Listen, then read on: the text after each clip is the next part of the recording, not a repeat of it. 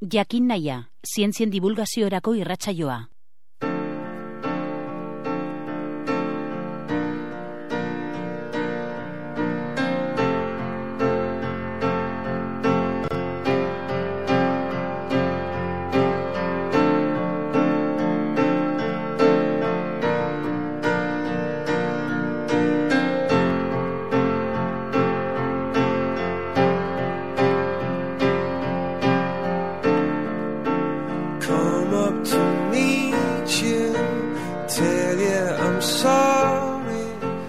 Hilaren eh, azken aste azkenean gaude lagunok eta hilero bezala jakinaia heldu zaigu, bueno, jakinaia hilean zeharreko jakinaia izaten dugu, eh? baina jakinaia saioa UEUK, Udako Euskal Unibertsitateak eta Bilburi Irratiak prestatzen duten eh, saioa, zientziaren divulgazioarekin, eh, zientziaren, zientziaren divulgazioa helburua duelarik, ba, gaurko egunez eh, tokatzen da guri irratian.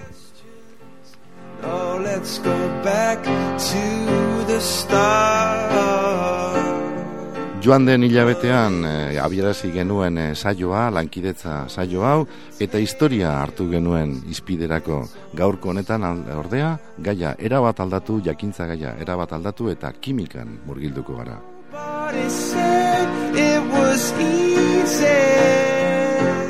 Eta kimikan eh, murgiltzeko ba, batez hiru kimikari ekarri ditugu hirurak UEUko kimikariak direnak, kimika saileko kideak, kimikariak, kimikan trebatuak eta kimikan trebeak nortzun diren, ba, Fernando Mijangos alde batetik, Sonia Arrasate eta Eneritz Anakabe. Orain txasiko gara izketan beraiekin eta kimika zer den ea ikasten dugun behinguan.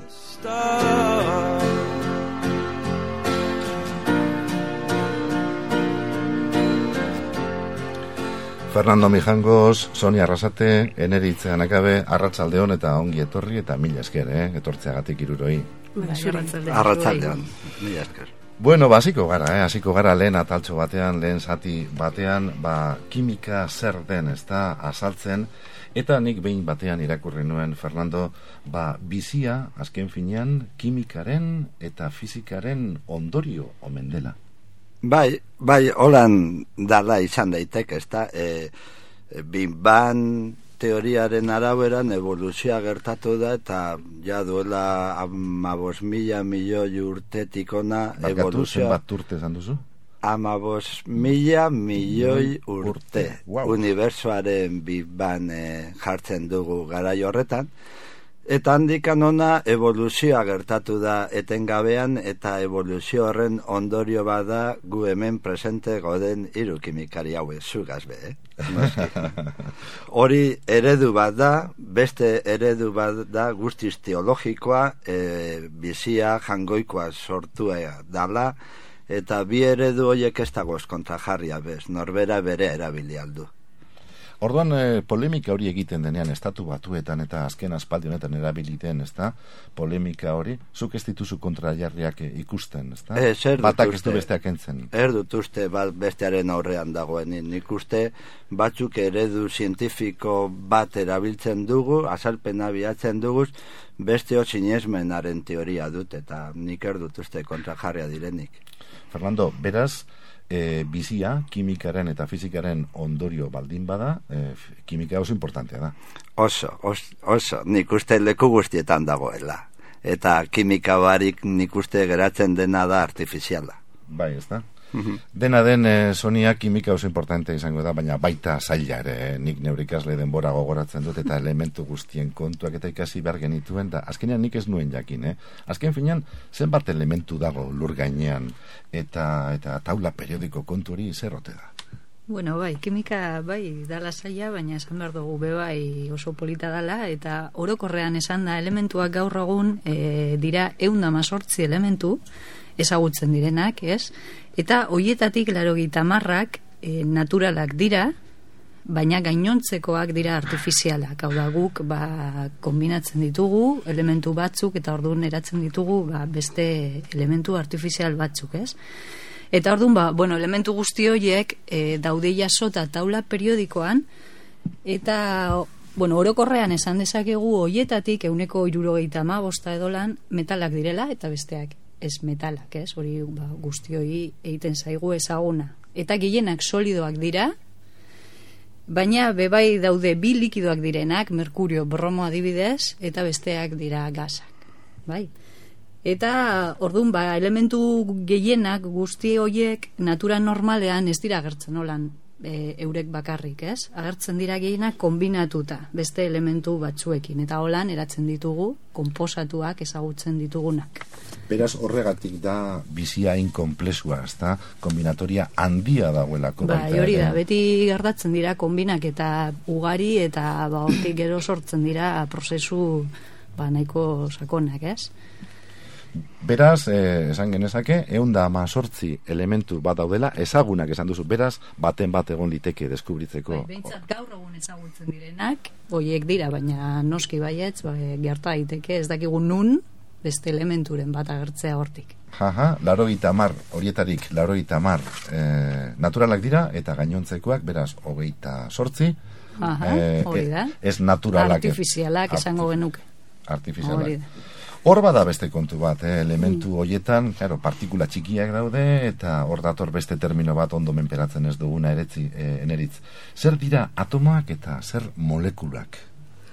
Bai, hori da, betiko, bueno, galdera ez, kimikariok argi daukagu, baina egia da kaleko jendearentzat, ba, askotan bi terminoiek, ba, nazten direla eta saia direla ulertzen. Ia, adibide honekin argi geratzen zaigun.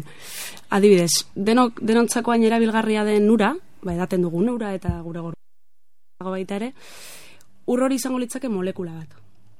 Bueno, molekula asko osatuta egongo litzake, bai, baina molekula da ura. Bai, H-bio askotan entzun dugu H-bio hori molekula da. Molekula hori atomoz osatuta dago, bai? Atomoak dira bi hidrogeno atomo, bai, eta oxigeno atomo bat.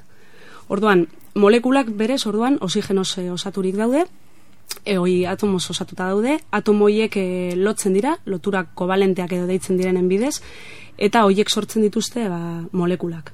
Orduan, atomoak izango ziren, zati txikiak eta molekulak ba, zati handiagoak. Mhm. Bai, erreza da holan ulertzea adibide hoiekin holan. Beraz, eh, izan daiteken, eh, nola esango genuke, elementurik txikiena atomoa dugu, Mm. eta molekula beraien arteko gutxieneko kombinazioa izan daiteke. hori da, bai. Ondo, ondo, ondo, ondo. Mm. Bueno, kimika ari gara lagunok, eh? Kimika ari gara eta kimika ba, presente dago munduan, presente dago gure eguneroko bizitzan eta orain iruroi batera, eh? Eskatuko nizueke, aipatzeko ba, prozesu kimikoren bat, eguneroko bizimoduan denoi gertatzen zaiguna, baina denoi ba, oharkabean pasatzen zaiguna. Konturatu ere ez gara egiten hori prozesu kimiko bat denik. Norraziko da? Pues nik galdera hau nire ama bost urteko alabari atzo egin nionean, berak esan zidan. Jo, aita, ba, berton esan, pastela, sukaldia delako laborategi onena. Orduan, sukaldean gaudelarik hori guretza da laborategia. Eta dana da prozesu kimikoa. Era bat, ez da? Era Berotzea bat. bera...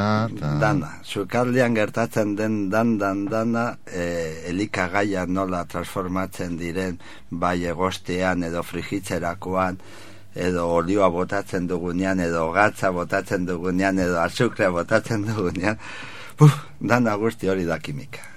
Beraz, denok, herritar guztiok kimikari txikiak, eh? Kimikaren eragile txikiak gara neurri batean. Horregatik, Ohartzen ez bagara. ospetsua gara herri hontan sukaldari ona garelako. beste, beste adibiderik bururatzen Bai. zaizue? Sonia, eneritz? Bueno, bai, daude adibide pillo, adibidez, eta prozesua, arnasketa prozesua, be, bai. Arnasketare bai.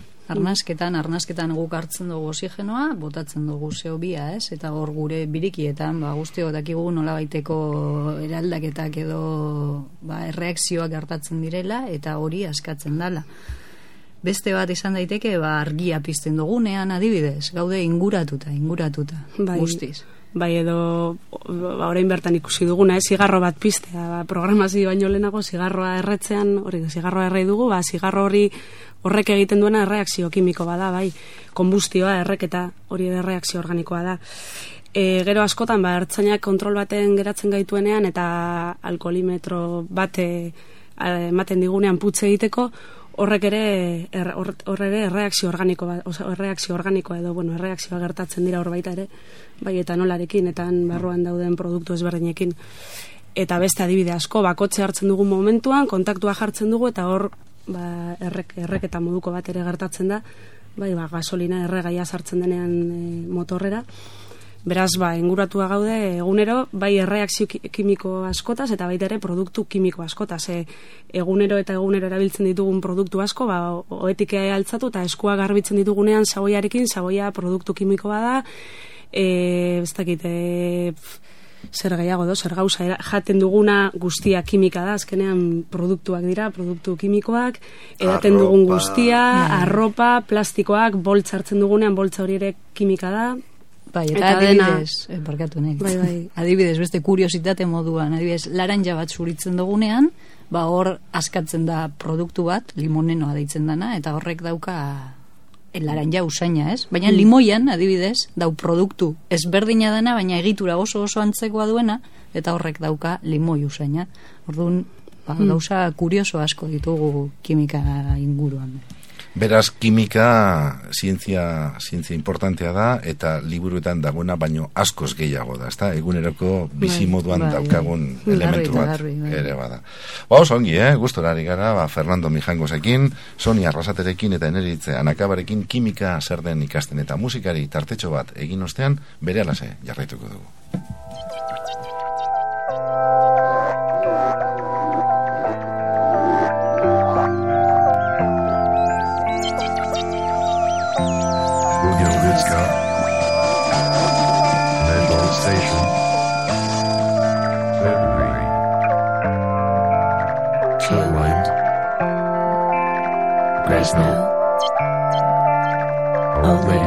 Their straight feet.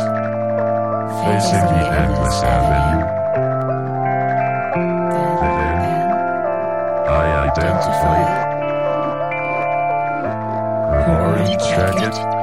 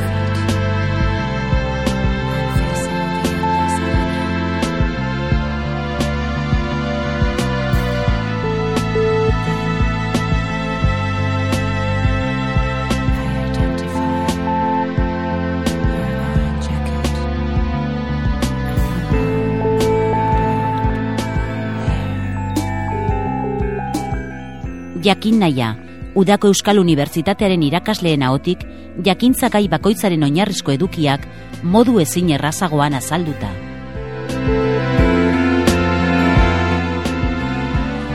Egia da, eh, entzule lagunok, eh, gaurko jakin nahian hori egiten ari gara, eh, UEUko irakasleen ahotik, ba, kimika, jakintzagai horren oinarrizko kontzeptuak, eh, historioak eh, ezagutzen ari gara modu ezin errazagoan.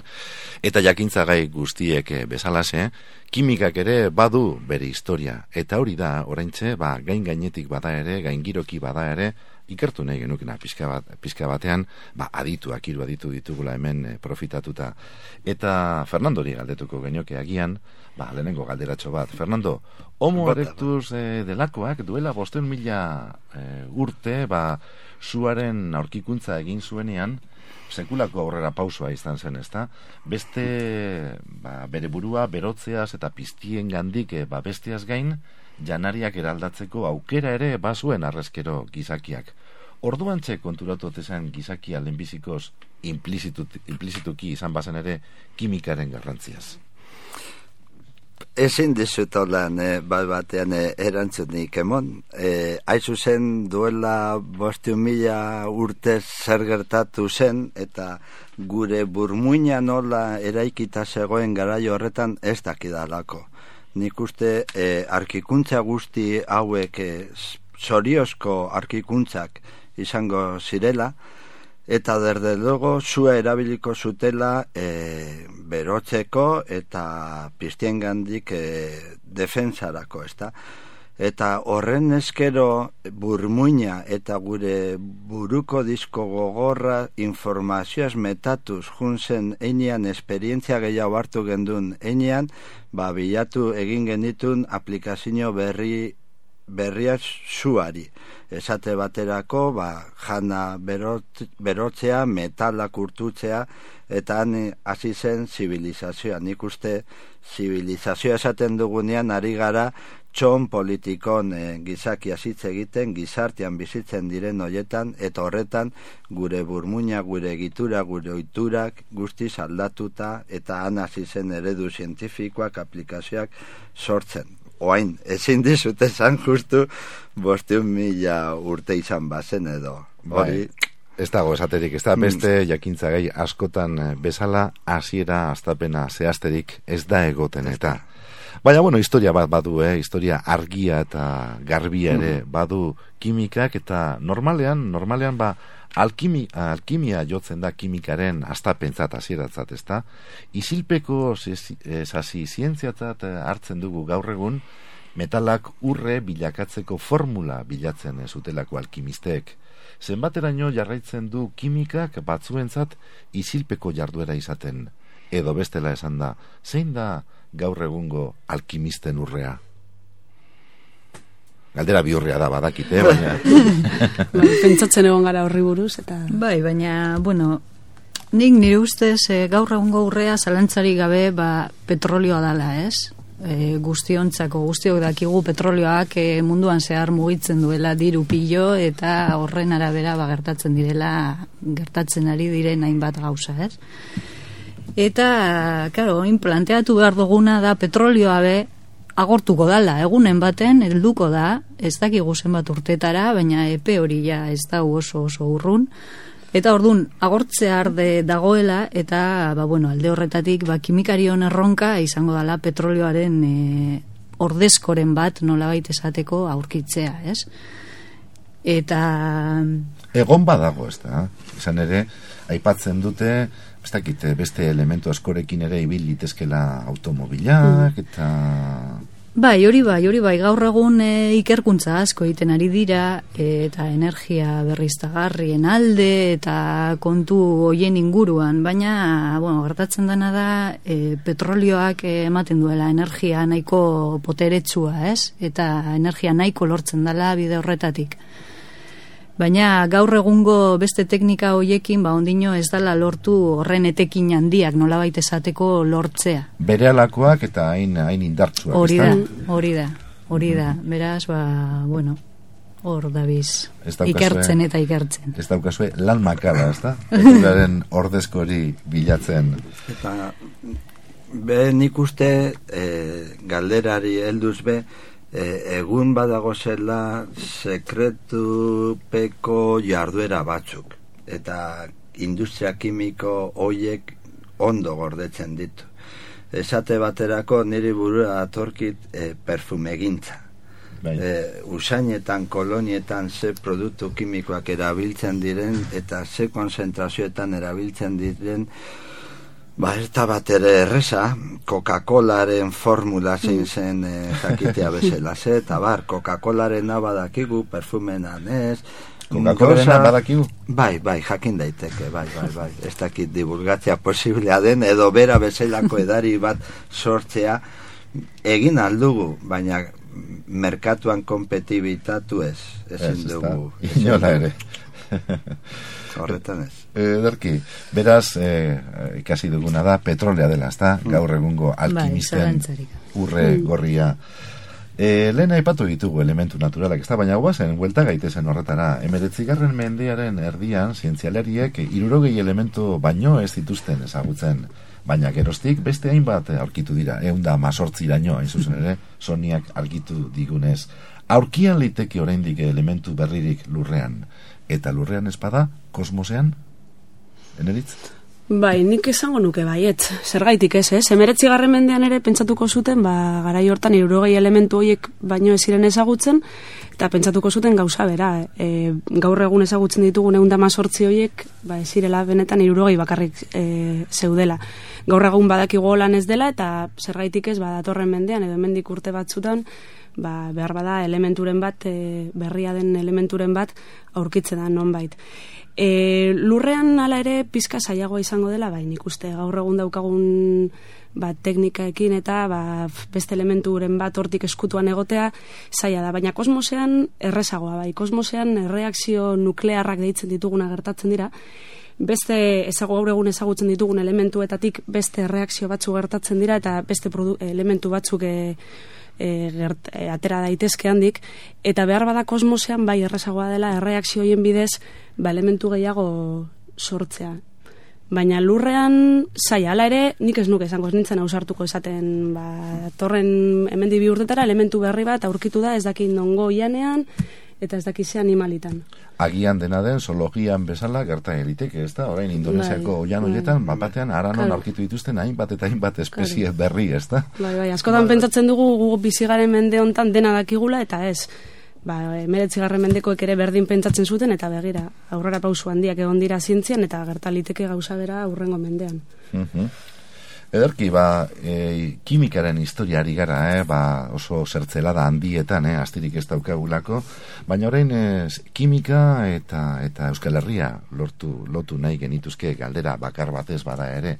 Izan ere, Euskal Herrian ere, izan baita kimikari gailenik elujar anaiak esaterako wolframioa isolatzea lortu zutenak.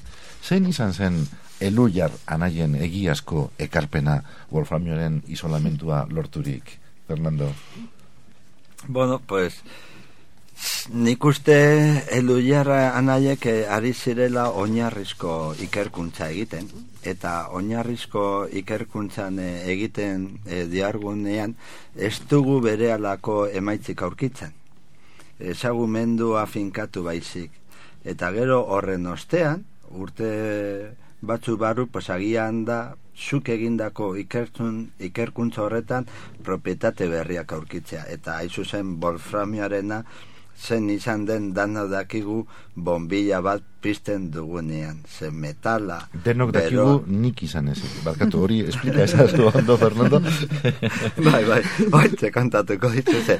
Nik uste zu zeube bombilla bat pizten duzunean, ikusten duzu filamento metaliko bat nola gorritzen den eta emoten du argia. Eta Bai. hori da tuztenok eragiten dauena. Aha. Bera, berotzen denean, euki eta badu transizio bat, eta orduan transizio horretan produktu bezalaze argia askatzen dan.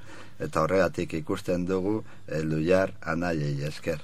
Baina bera bezalaze bagode asko hemen e, Euskal Herrian e, kimikan ikerkuntza egiten, eta nik e, ikerkuntza e, isilpean euskeraz e, egiten dugunei eta egiten dutenei pues hemen be esan nahi et, eutxi eta zige aurrera. Eta asko zarete, ez da, gero eta gehiago. Gero eta gehiago euskeraz, bai, eh, zorionez gero eta gehiago kostata. Ze ez dugu bapes gure alde, baina ari gara edatzen. ez duzue bat ere alde, zer daukazue ba, kontra, e, kimikan euskaraz aritzeko?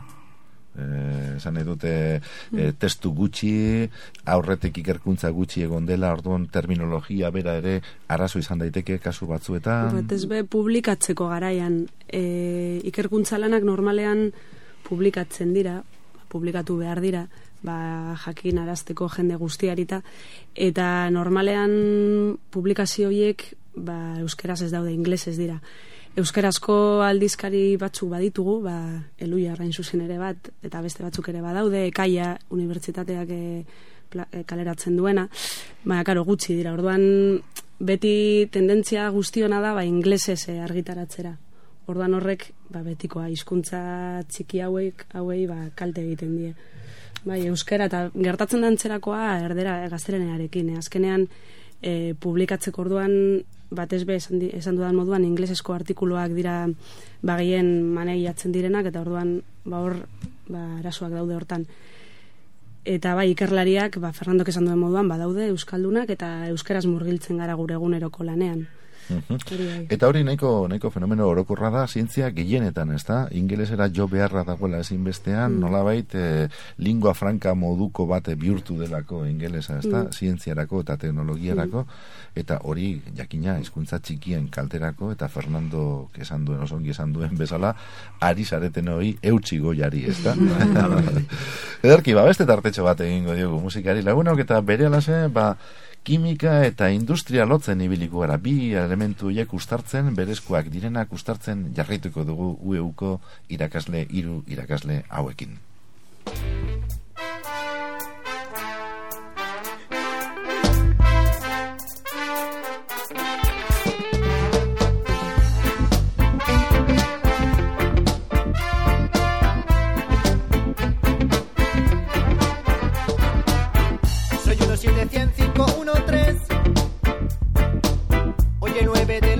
8 del 4 es. El del 1, 2. Primero de distrito 7 vivo. Al 20, 11, 10 diga digo. Pero miré por primera vez el cielo. Y mis números resbalan por el hielo.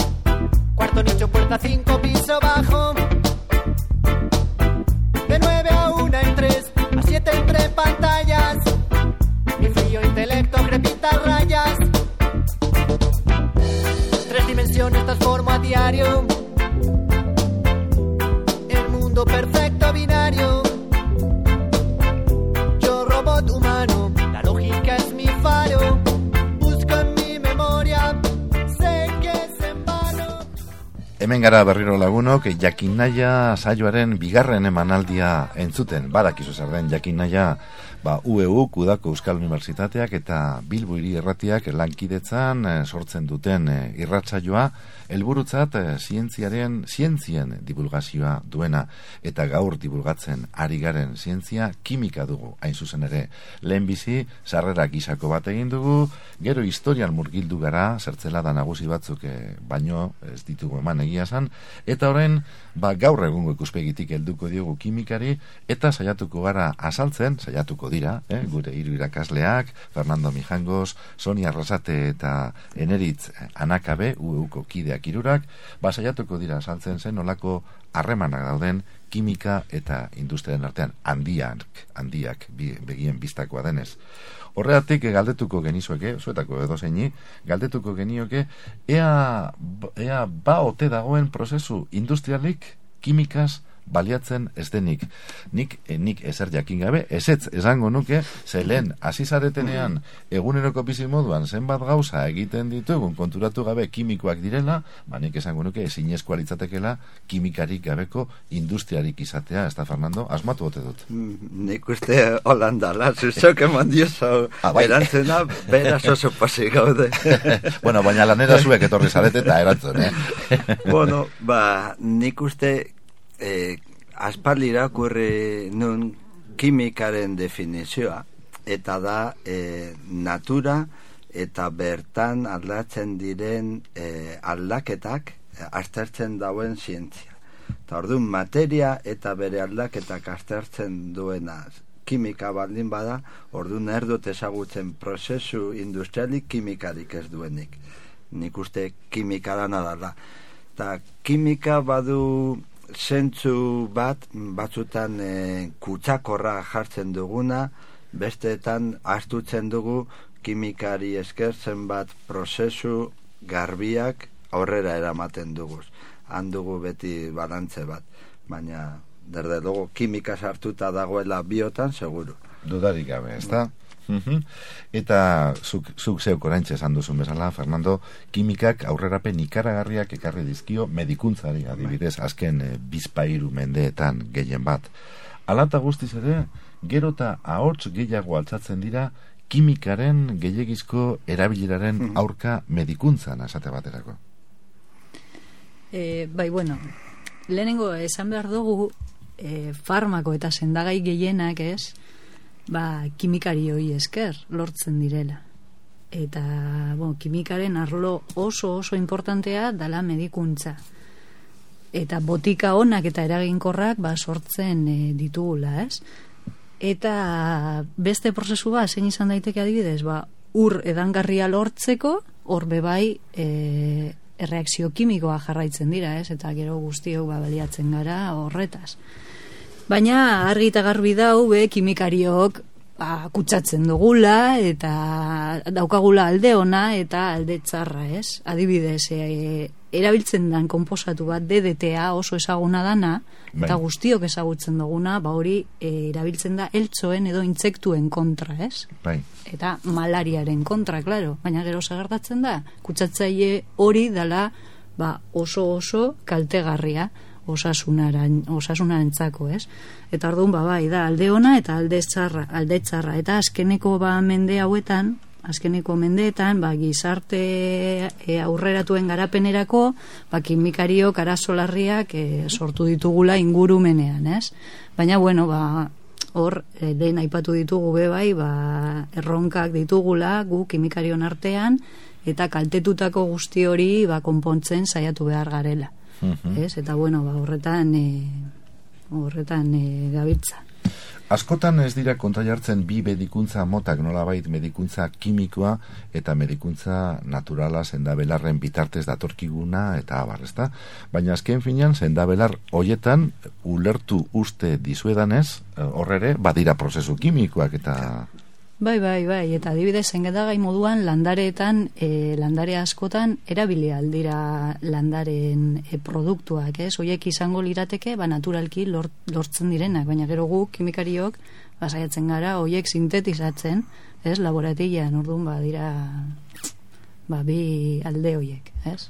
Dena den eh, egia bada, ez dakite zer iritzi izango duzuen zuek, ba medikuntzaz, medikuntza helburu duten laborategi horiek ez dutela bilatzen eh, jendearen ongia, zenbait kasutan, beren poltsikoen eh, potolotzea baino, ez da? Zan nahi dute kimikaren gehiagizko erabilera bat egon badagoela horretan, ez da?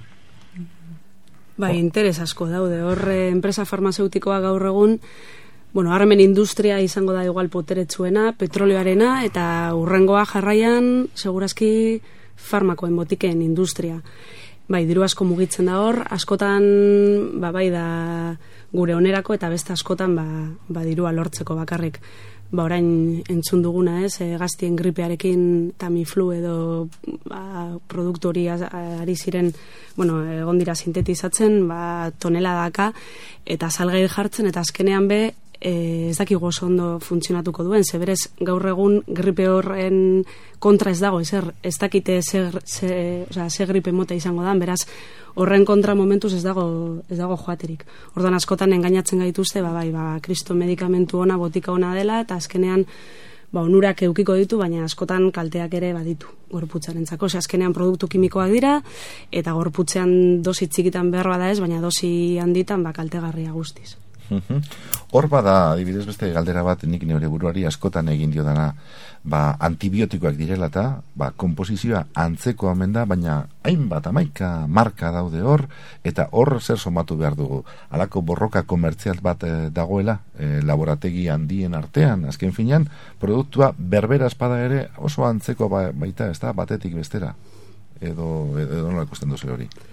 Bai, nik uste e, batzutan osagai berberak eukiarren e, kanpoko aldea desberdintzen baldin bada zu botika bera saltzen duzu. Agian zurean dago plastikozko kausula batean sartuta eta nirea da e, aspirina moduko e, pilula Bai.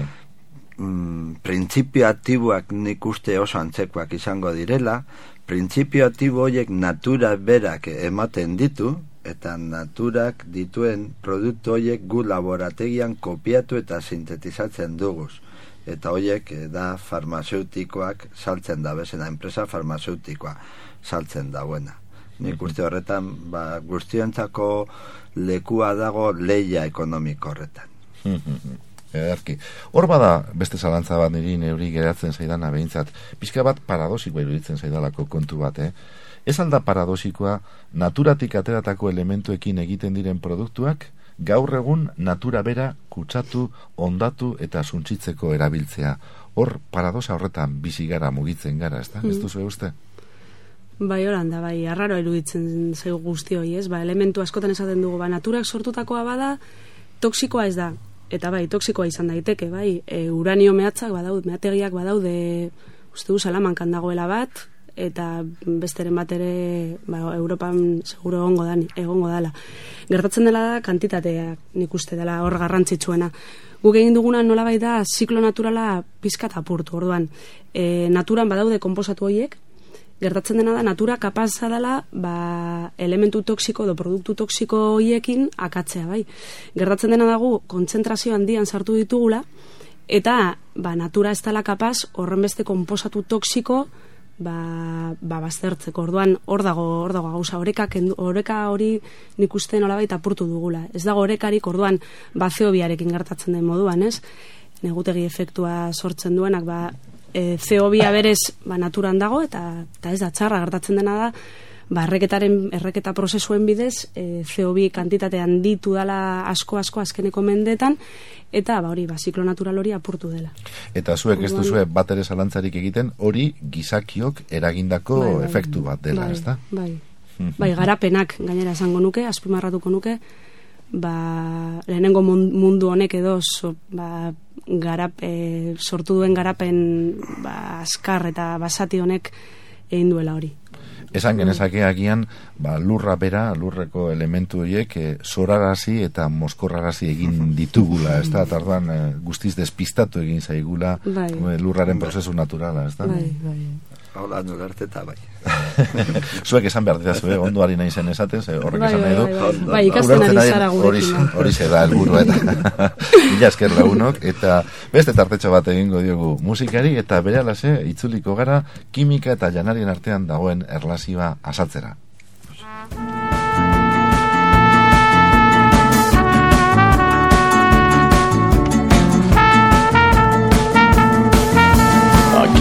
Aquí los sanos situando nuestra posición. O aclaramos que soportamos vuestro sufrimiento, tanto más tormento parece que no, y son nuestros sentimientos. Y aún así nos resignamos. Estoicos espartanos la conmiseración no espera nunca no. O agradecimientos y aún así tenemos oídos para tus lamentos sabed que así no esperamos gracias gracias ni reconocimientos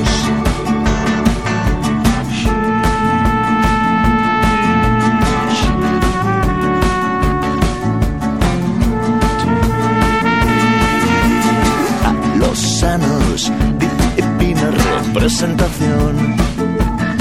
Representamos a lo más alto no y a lo más alto apuntamos nuestra misión. Nunca hartos jamás diciendo no aún así tenemos oídos para los faltos, sabed que de en el sentido sin oídos que sería Kimika, kimika ezagutzen ari gara, ba, UEU-tik, e, UEU, Udako Euskal Unibertsitatetik, etorri zaizkigun hiru kimikariren e, ahotik, eh, eskutik esatera egin zen, baina ahotik esango dugu irratian ari, ari garenez. Nortzuk diren beraiek, ba, alde batetik Fernando Mijangos, bestetik Sonia Arrasate, eta baita Eneritz Anakabere.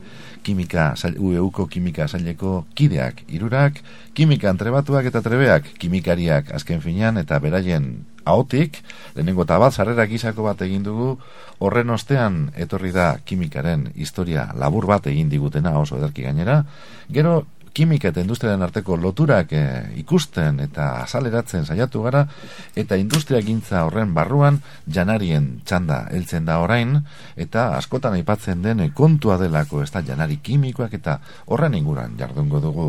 Eta lehenengo galdera prestatuta daukaguna, hause da, eh?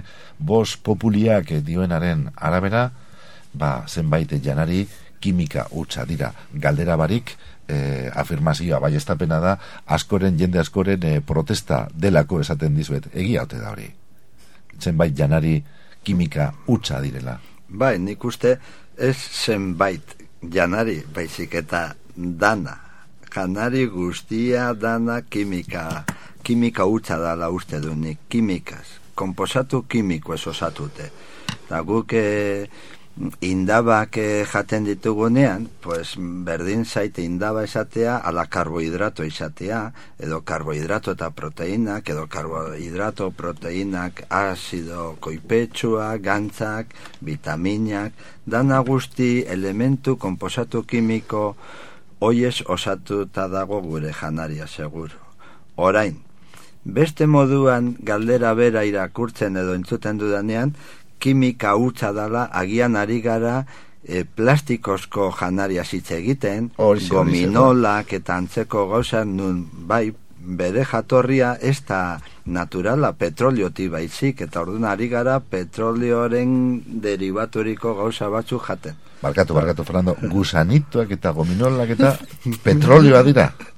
Ez petrolio bera bezala ze, baina datorren bai, la bai, Bai, bai. Eratorria petrolioa da, bai. Benetan, Bai, bai, eta, bai. eta hori ematen diegu mei, jaten. Pues ala behar, ez edo, buf, nik esate, hobe jaten baduzuz, ba, gusanituak eta hoiek baino, kakahueteak, edo, edo avellanak, edo olako frutu lehorrak, Eta Ze, horiek gainera- benetan naturala dira. Hori naturalak dira, ez bai, bai, bai, bai. Eta gainera gero gauminoli eta gozokiak deitzen diegu, ez da? Ba, zelako ironia. Bai, ez da? bai, bai, Tira, ordan bost populiak arrazoia dauka, Bai. eh, zenbait janari, Bai, bai, esaterako kimika hutsa dira. Ederto, ederto. Bueno, orain beste fenomeno baten aurrean eh, gaude gizarten eta horrek eh, asaldatu eta keskatu ere egiten gaitu, ezta? Azken bolada honetan, ba, lurra ikutu gabe, lurra esertarako ikutu gabe, azten diren eh, barazkiak eh, jaten ditugu, eta barazki horiek barazki aldira, benetan. Bueno, nik uste izen bat ematearren, ba bai, e, barazki izena eman diesaiek egula, ez?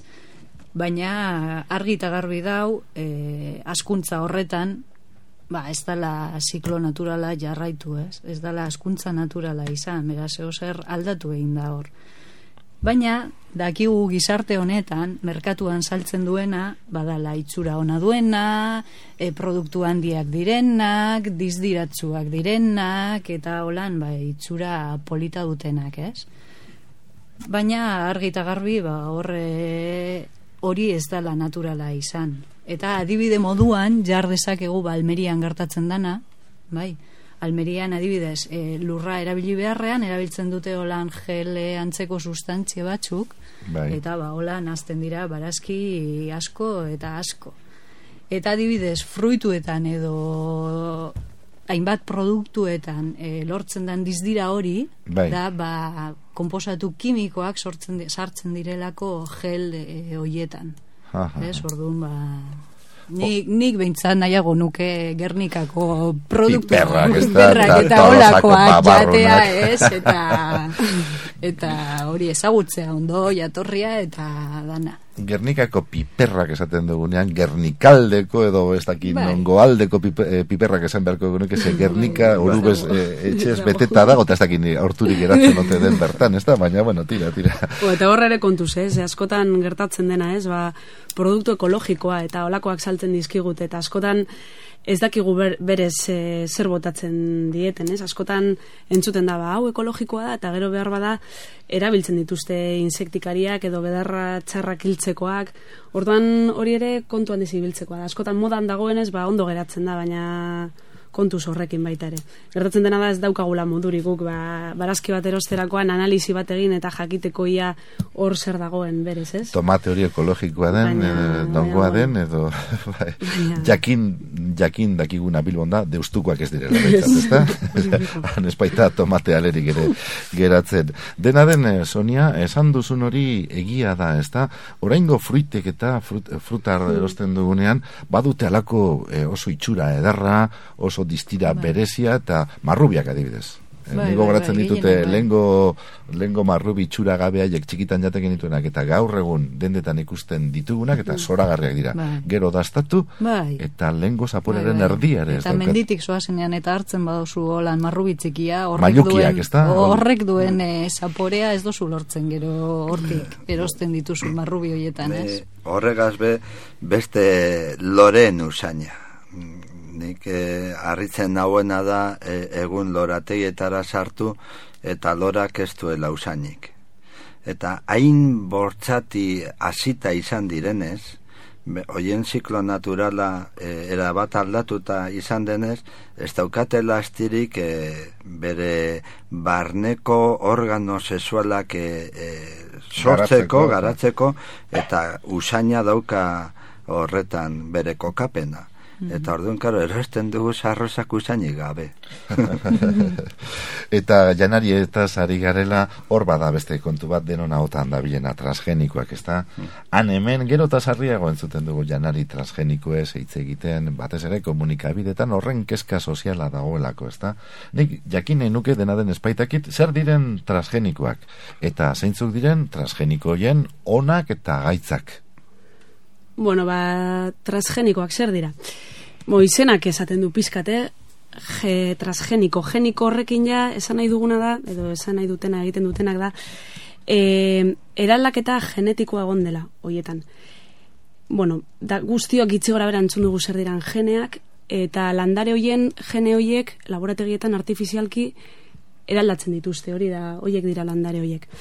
E, zergaitik egin duten hori eta batez be hori multinazionalen onurara, onurara, onurarako izaten da normalean, beraz berriro ere dirua dago horren atzean, haiek saltzen dutena da, ba holan ustako betzen direla, askotan entzun da baita ere horrekin ba, munduko gozea edo e, bukatuko dela, bueno, ikusten dugunez momentuz ez, ez da hori gertatu eta ia, Ez- gertatzen bada, ere, eh? gertatzen bada, ba, deno pose ongo, posik egongo ginake, baina azkenean horre dira ure jartzen dituzten ba, aitzakiak edo.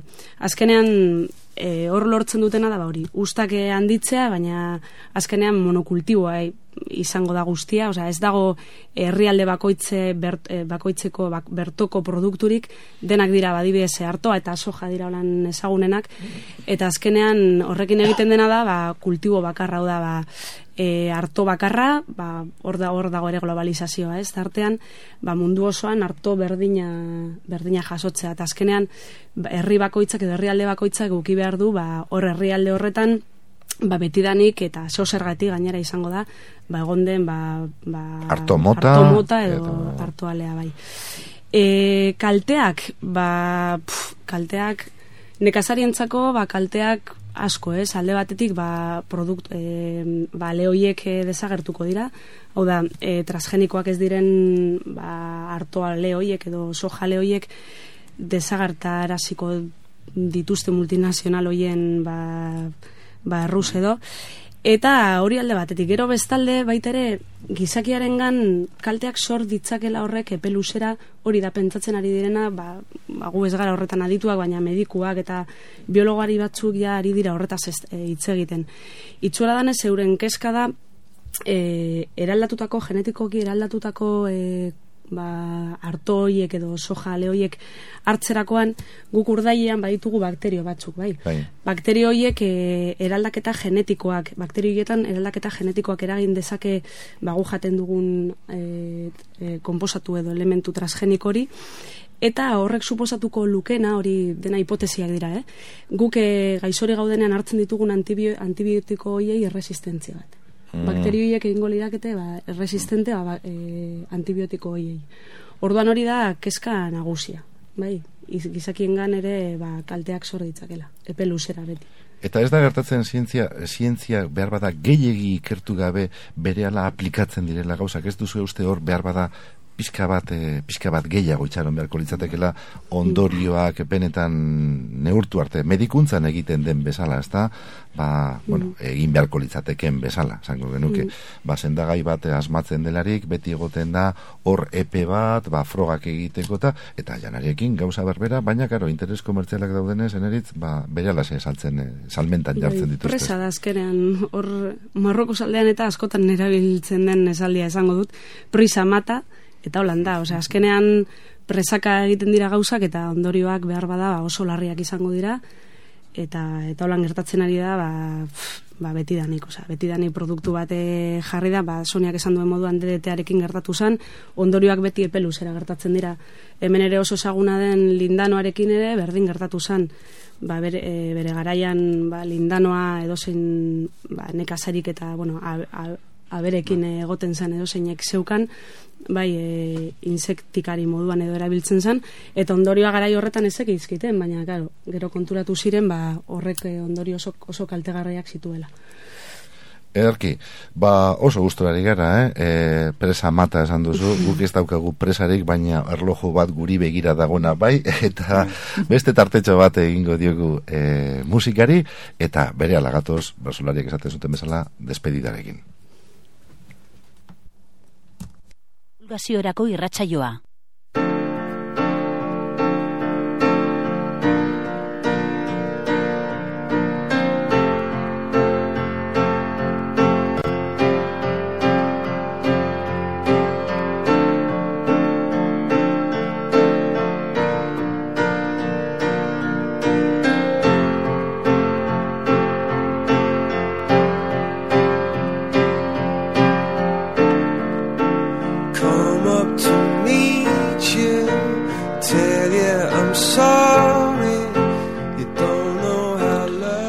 Normalean zuek ibiltzen zarete azterketak ipintzen, baina gaurre mendeku hartu dugu, eh? ikasle guztien partez eta guk ipini, ipini dizugu azterketa, baina esan behar dugu bikain atera duzuela. Eh? Bikain gainditu egin duzue, ondo gainditu ere, eta gainera erakutsi egin diguzue, Fernando, Sonia eta Eneritz, ba, kimika, oso zientzia beharrezkoa, oso zientzia naturala, eta horrezaz gainera oso zientzia polita dela, ez da? Ez duzu uste? Bai, nik uste e, burua e, erabiltzeko oso egokia dela, oso. Aha. Eta zuek horretan nahi zarete zientzia polito horren inguruan, kimikaren inguruan, ueun. Konta iguzue minutu pare batean zein den horre egiten eh, duzuen lana, badakiguta lan handia egiten ari zaretela. Bo, ari gara azken urtetan e, kimika eta ingurumena e, lotu nahian, e, bai kutsadura, bai e, atmosferikan, uretan, baita ere kimika duen alde ona, zesarri kimikario geratzen gara beti alde beltz horri begira, eta astutzen zaigu... Estigma moduko bat daukazue gainean, Esker, bai, Bai. bai, bai, bai, keskatute gaude horretan, eta batzutan ez gara usartzen jendearen aurrean, eh? kimikari esker gauza hauek eh, aurreratu duguz. Bai, bai, bai. Eta, bueno, pues hori ari gara eguneroko kimika, orain kimika eta ingurumena, eta aurtengo udan, e, iruñan e, egongo gara aste bateko ikastaroa, industria kimikoa eta ingurumena. Horretan gure dinamika ez daukazer ikusirik e, unibertsitate klasikotan erabiltzen den metodologiarekin, ez dugu azterketarik, mm, irterak egin nahi ditugu industria kimikoetara, bertako prozesuak ikusi, eta lagunen artean zu bezala ze gugaz bagina, pues, berba egin, eta eta ondo pasa, eta esperientzia horiek geratzen dira markatuta betirako. Ze polita, ez da? Zientzian aritu azterketarik gabe, eta artikuluak argitaratu beharrik gabe, eta puntuak irabazi beharrik gabe, hori zoriontasun izan behar da, Fernando. Bai, nik uste e, lurra, lur zorua, lur planeta ez da gurea, baizik eta gure seme alabe guri prestamoen utzita. Ta orduan, e, e, esaten dut, gure seme alabei gaur egun jaten ari gara hoien geroko jana. Ta orduan, hoiek kontatu beharko diegu, hoiek azaldu beharko diegu, hoiek emon beharko diegu formakuntza, garapen esponentziala jasangaitza demenzial hause etenteko. Izan ere, lurrean, zuk zeuk esan duzun bezala, gure belaunaldia pauso bat besterik ez da, ez da, bizi horretan, eta lehenengo galderan Fernandok eta Soniak eta eneritzek esan digutenez, bizia kimikaren eta fizikaren ondorioa da. Ba, lagunok, mila esker, eh? benetan bihotz bihotzez, mila esker gure gana etortzeagatik eta honelako azalpen jakingarriak emateagatik eta urrengo bat, arte. Bale, esker Plazerra, zuei. plazerra. Tell me your secrets and ask me your questions. Now let's go back to the start. Running in circles, coming in tails, heads on the sides